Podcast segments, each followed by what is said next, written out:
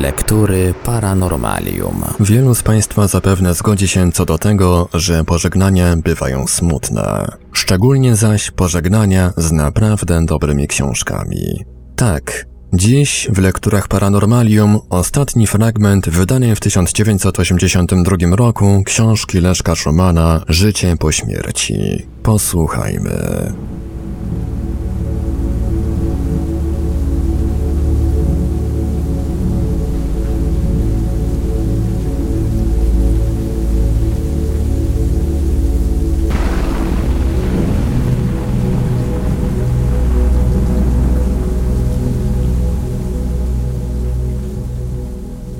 Od autora.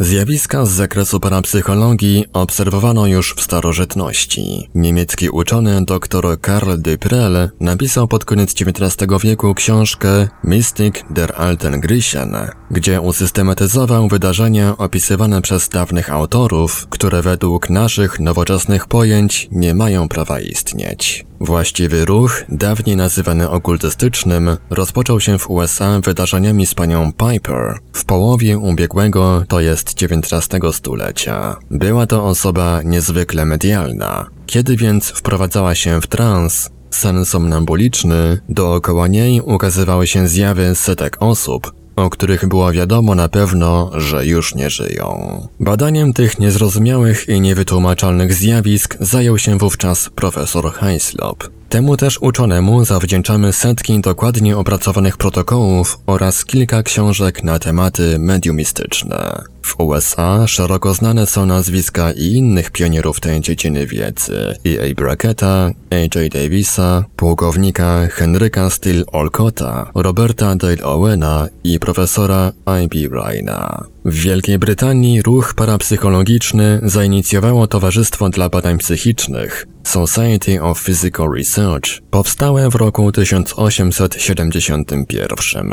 Założycielami tego stowarzyszenia było kilka sław uniwersyteckich. Frederick Myers, Sir Oliver Lodge, Jerzy Sidney Arundale, William Crookes, William Barrett i W.J. Crawford. Niebawem dołączyli do nich nie mniej sławni wykładowcy, a wśród tych ostatnich C.W. Leadbeater, J.I. Wedgwood i Arthur Conan Doyle. Towarzystwo to do dnia dzisiejszego wydaje sławne w całym świecie annały. Z grona włoskich uczonych dla parapsychologii zasłużyli się przede wszystkim Cesare Lombroso i profesor Ernesto Bozzano. Ten ostatni napisał aż 30 tomów niezwykle cennych dzieł naukowych. Spośród badaczy francuskich szerzej znani są Charles Richet, profesor Sorbony Paryskiej i członek Institut de France, dr Gustave Gély, pierwszy dyrektor Międzynarodowego Instytutu Metapsychicznego i założyciel Revue Metapsychique, Albert de Rochat, dyrektor Politechniki Paryskiej, dr Gérard Encassé-Papy, Edward Schur, profesor Henri Dorville, sekretarz Société Magnétique de France i główny redaktor Journal de Magnétisme, sławny astronom Camille Flammarion oraz inżynier Gabriel Delau i Léon Denis.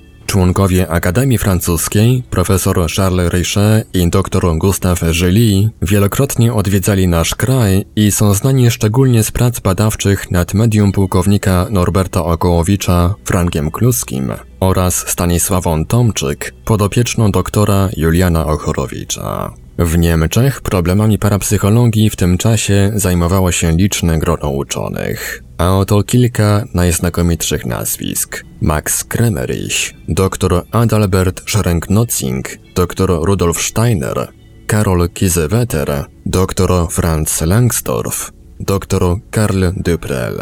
Każdy z nich pozostawił po sobie bogatą spuściznę w postaci licznych i starannie opracowanych publikacji książkowych, mających jeszcze i dziś bezsprzeczną wartość naukową. Istotny wkład do rozwoju nauk tajemnych wnieśli dwaj uczeni rosyjscy, Aksakow i Butlerow. Szeroko znane w świecie jest również nazwisko Heleny Bławackiej, żony carskiego generała, która po osiedleniu się w USA stała się pionierką amerykańskiego ruchu teozoficznego w Nowym Jorku i swymi dziełami Odsłonięta Izyda oraz Doktryna Tajemna stworzyła podwaliny pod wiele nowoczesnych doktryn okultystycznych. Nieco więcej miejsca chciałbym przeznaczyć w tym zakończeniu polskiemu ruchowi parapsychologicznemu, chociaż na dobrą sprawę tematowi temu można by poświęcić oddzielną publikację książkową. Naukowym badaniem zjawisk metapsychicznych pierwszy zajął się u nas dr Julian Ochorowicz, słusznie nazywany ojcem polskiego mediumizmu. Jego pięciotomowe dzieło pod tytułem Zjawiska mediumiczne, wydane w Warszawie w roku 1913, dziś jest już prawdziwym białym krukiem. Drugim z kolei jest pułkownik żandarmerii Norbert Okołowicz, jeden z bardziej znanych po I wojnie światowej eksperymentatorów w dziedzinie zjawisk parapsychicznych i jemu to zawdzięczamy starannie opracowane dzieło o objętości blisko 600 stron pod tytułem Wspomnienia z seansów z medium Frankiem Kluskim, wydane w roku 1926 w książnicy Atlas w Warszawie. Kluski to pseudonim Teofila Modrzejewskiego, urodzonego w roku 1873, skromnego urzędnika bankowego, którego niezwykłe, rzadko spotykane właściwości medialne zadziwiały Europę w latach 1919-1925. Seanse spirytystyczne przeprowadzono z nim w półmroku pod ścisłą kontrolą, wykluczającą najdrobniejsze nawet oszustwo. Zresztą, jaki byłby w tym cel? Medium nie brało za to pieniędzy. Ciężko zaś przechodziło skutki doświadczeń, co też chyba głównie przyczyniło się do wczesnej śmierci Teofila Modrzejewskiego. W eksperymentach przeważały efekty akustyczne i kinetyczne. Zjawy były bardzo wrażliwe na światło. Chętnie pokazywały się jednak na tle płyt pokrytych luminoforem. Krótki błysk magnezji, kiedy robiono zdjęcia, wywoływał drgawki konwulsyjne i zaburzenia sercowe śpiącego medium. Na zdjęciach robionych wówczas widuje się obce twarze, zwierzęta, fragmenty ludzkich postaci.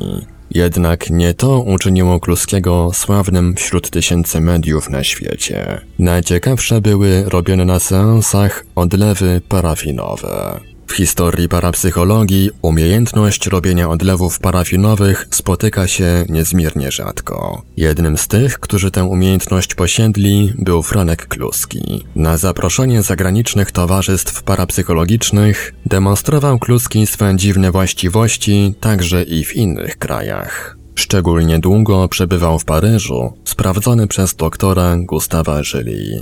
Opisy tych eksperymentów drukowano w miesięczniku Revue Metapsychique. Wiele uwagi w tym czasopiśmie poświęcono przed I wojną światową również Stanisławie Tomczyk, sławnemu medium doktora Ochorowicza. Aby nie pozostawić wśród czytelników wrażenia, iż przed II wojną światową w Polsce były tylko dwa media materializacyjne, dodam, iż osób uzdolnionych w tym kierunku było kilkadziesiąt. Oprócz Franka Kluskiego i Stanisławy Tomczyk, wiele mówiło się również o Jadwice Domańskiej, Janie Guziku, Agnieszce Pilchowej, Paribanu, Kozaczewskiej. Mimo negatywnego stosunku do nowej dziedziny wiedzy ze strony świata nauki, wielu znakomitych uczonych polskich podjęło badania z zakresu parapsychologii. Znaczne zasługi położyli tu profesor Ignacy Maduszewski, profesor Józef Świtkowski, docent Łucjan Bytscher, dr Stanisław Breyer, dr Ksawery Watraszewski, dr Tadeusz Sokołowski, dr Eugeniusz Polończyk,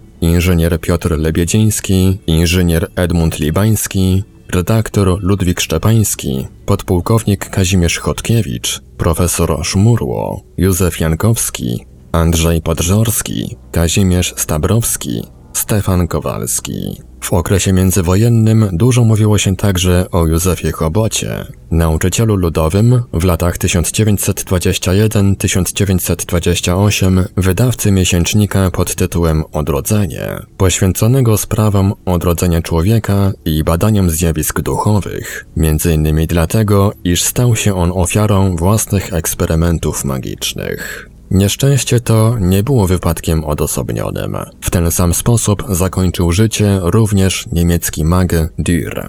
W okresie międzywojennym znajomość metapsychologii propagowały towarzystwa metapsychiczne w Warszawie, Krakowie i Lwowie. Podjęte tuż przed wojną wysiłki zmierzające do utworzenia w Polsce, wzorem innych krajów europejskich, Instytutu Metapsychicznego nie powiodły się. W polskiej parapsychologii istnieje istotna luka. Brak jest jej ciągłości i sukcesywnej tradycji. Starzy uczeni z nielicznymi wyjątkami już wymarli, natomiast młodzi nie mają dostępu do fachowej literatury przedmiotu. Zresztą w Polsce literatura taka dziś nie istnieje. Drugą poważną przeszkodą wśród potencjalnych adeptów parapsychologii jest niedostateczna znajomość języków obcych. Trzecią i chyba najpoważniejszą, horrendalne jak na nasze stosunki ceny podręczników zagranicznych. Czytelnicy dostają co prawda czasami do rąk różne prace, lecz w nich z reguły opuszcza się niektóre niewygodne szczegóły, jako że według nowoczesnych poglądów nie mają one w ogóle prawa być. Pozostałe po takiej obróbce informacje znów są zgoła niespójne lub wręcz mylne. Tymczasem najstarsze religie świata mówią o istnieniu duszy w człowieku. Można się o tym przekonać również zwiedzając jaskinie w górach Hagar, gdzie na ścianach przed 15 tysiącami lat umieszczono rysunki przedstawiające moment opuszczenia ciała zmarłego przez jego duszę.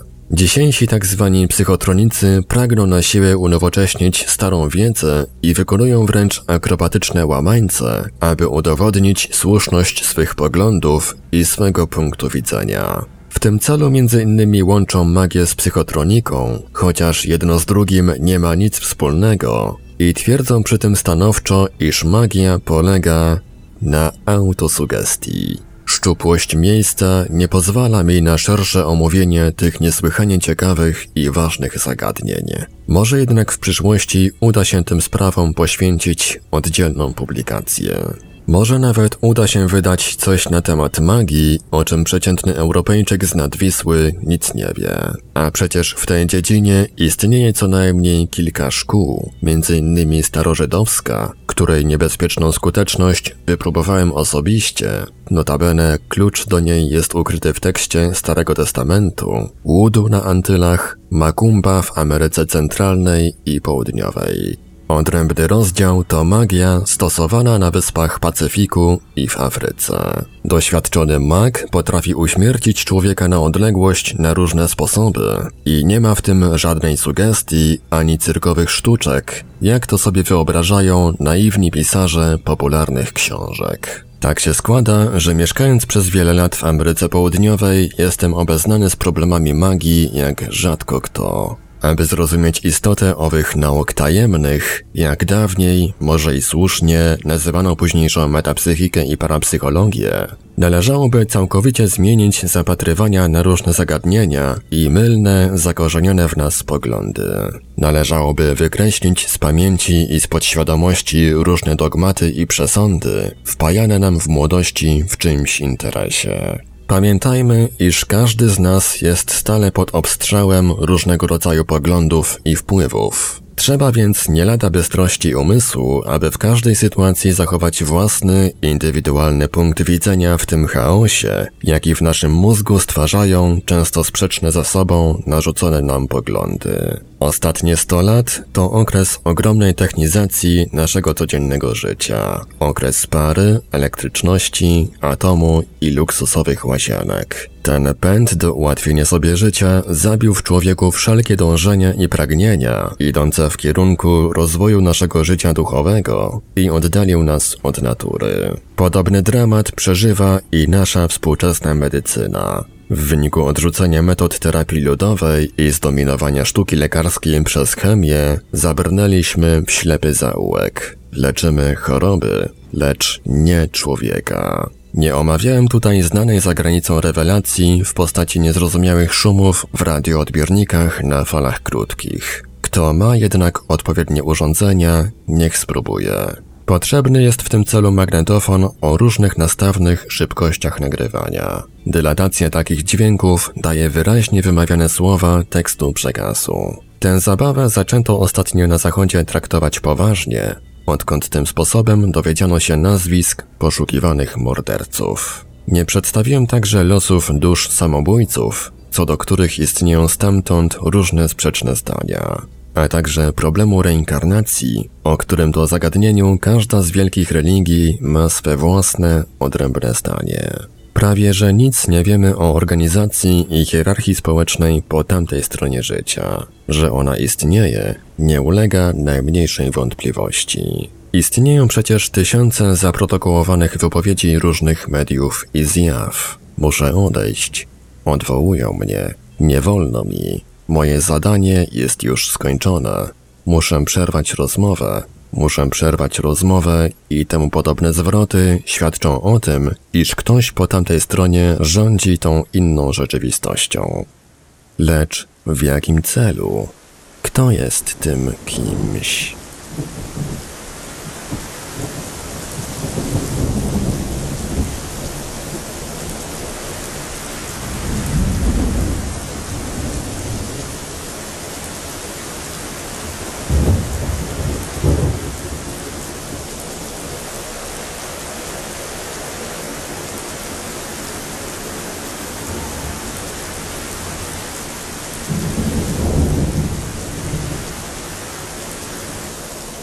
I tak oto w Radiu Paranormalium dotarliśmy do końca wydanej w 1982 roku książki Leszka Szumana Życie po śmierci.